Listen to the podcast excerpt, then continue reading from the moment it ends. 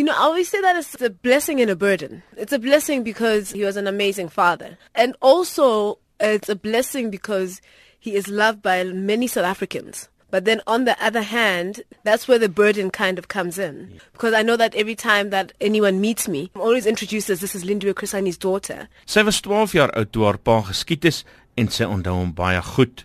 I remember the swimming. My father was very active. He was physically fit. So Daddy and I, he only had three girls, but he never treated us girls like he wished we were boys. So I used to follow him and copy every single thing that he did. Can you remember how you felt the day your daddy died? I was in shock. I had to travel four hours from Lesotho to Johannesburg after hearing that he'd been killed. Being in that car for four hours, wishing, hoping, praying that some mistake had been made. It's indescribable because it almost feels like your heart stops beating. Maar die pyn om as volwassene sonder 'n pa te leef is selfs nog groter, sê Lindiwe. I always think about what kind of a grandfather he would have been. And I know that my sister's children and my daughter, they, they're sorely lacking. I always mm. think of advice that Diddy could have given me that I would have needed. There's nothing more painful, I think, than living without a parent, especially as a woman, as a young woman and as a girl. You need your father. And I needed him every single year for the last 24 years.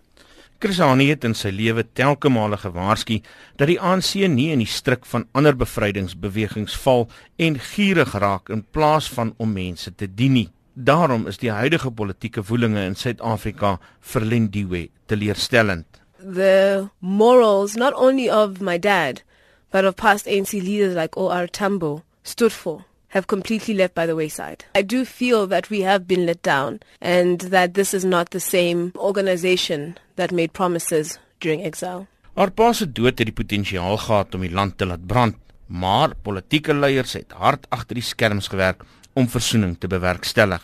Lindiwe voel egter die ANC kon beter gedoen het. I don't think there was any kind of reconciliation. What happened was a sweeping of things under the carpet. Do you know, I always use the metaphor that you have a gaping wound. And what happened with the, with that reconciliation moment in the Rainbow Nation is that someone just put a plaster. And what's happening now is it's seeping. That wound had needed to have been infected and stitched up. Especially now what's happening in the country, especially what's happening on social media. There's a lot of anger and simmering hatred for each other. Hoewel sy die mans wat verantwoordelik was vir haar pa se dood besoek en vrede gevind het, kry sy dit nie oor haar hart om Clive Dabeloos en Janusz Wallus te vergewe nie. I can say that I, I, I know I haven't forgiven him. I find it difficult to forgive someone who irrevocably destroyed my life. But what happened with these meetings is that I have finally accepted that my father's not coming back.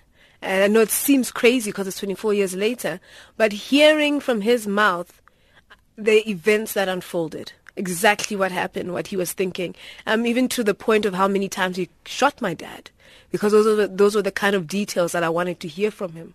And then his apology to me, I have chosen to accept it.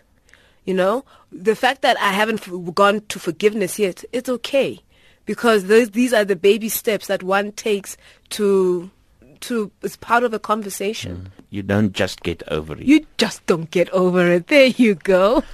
Do you have a dream for South Africa? Do you know that it's more of a prayer? There's no better place. I still believe there's no better place to live. And I have traveled, uh, I've traveled, and this is still home. And just because things are burning right now, things have burnt in the past, and we have managed to overcome it. So I just think that people need to not write us off. We have overcome worse situations and we will overcome what is happening right now from downgrades to incompetent ministries. We will overcome all of this. It's been done before. We are a resilient people and will always be.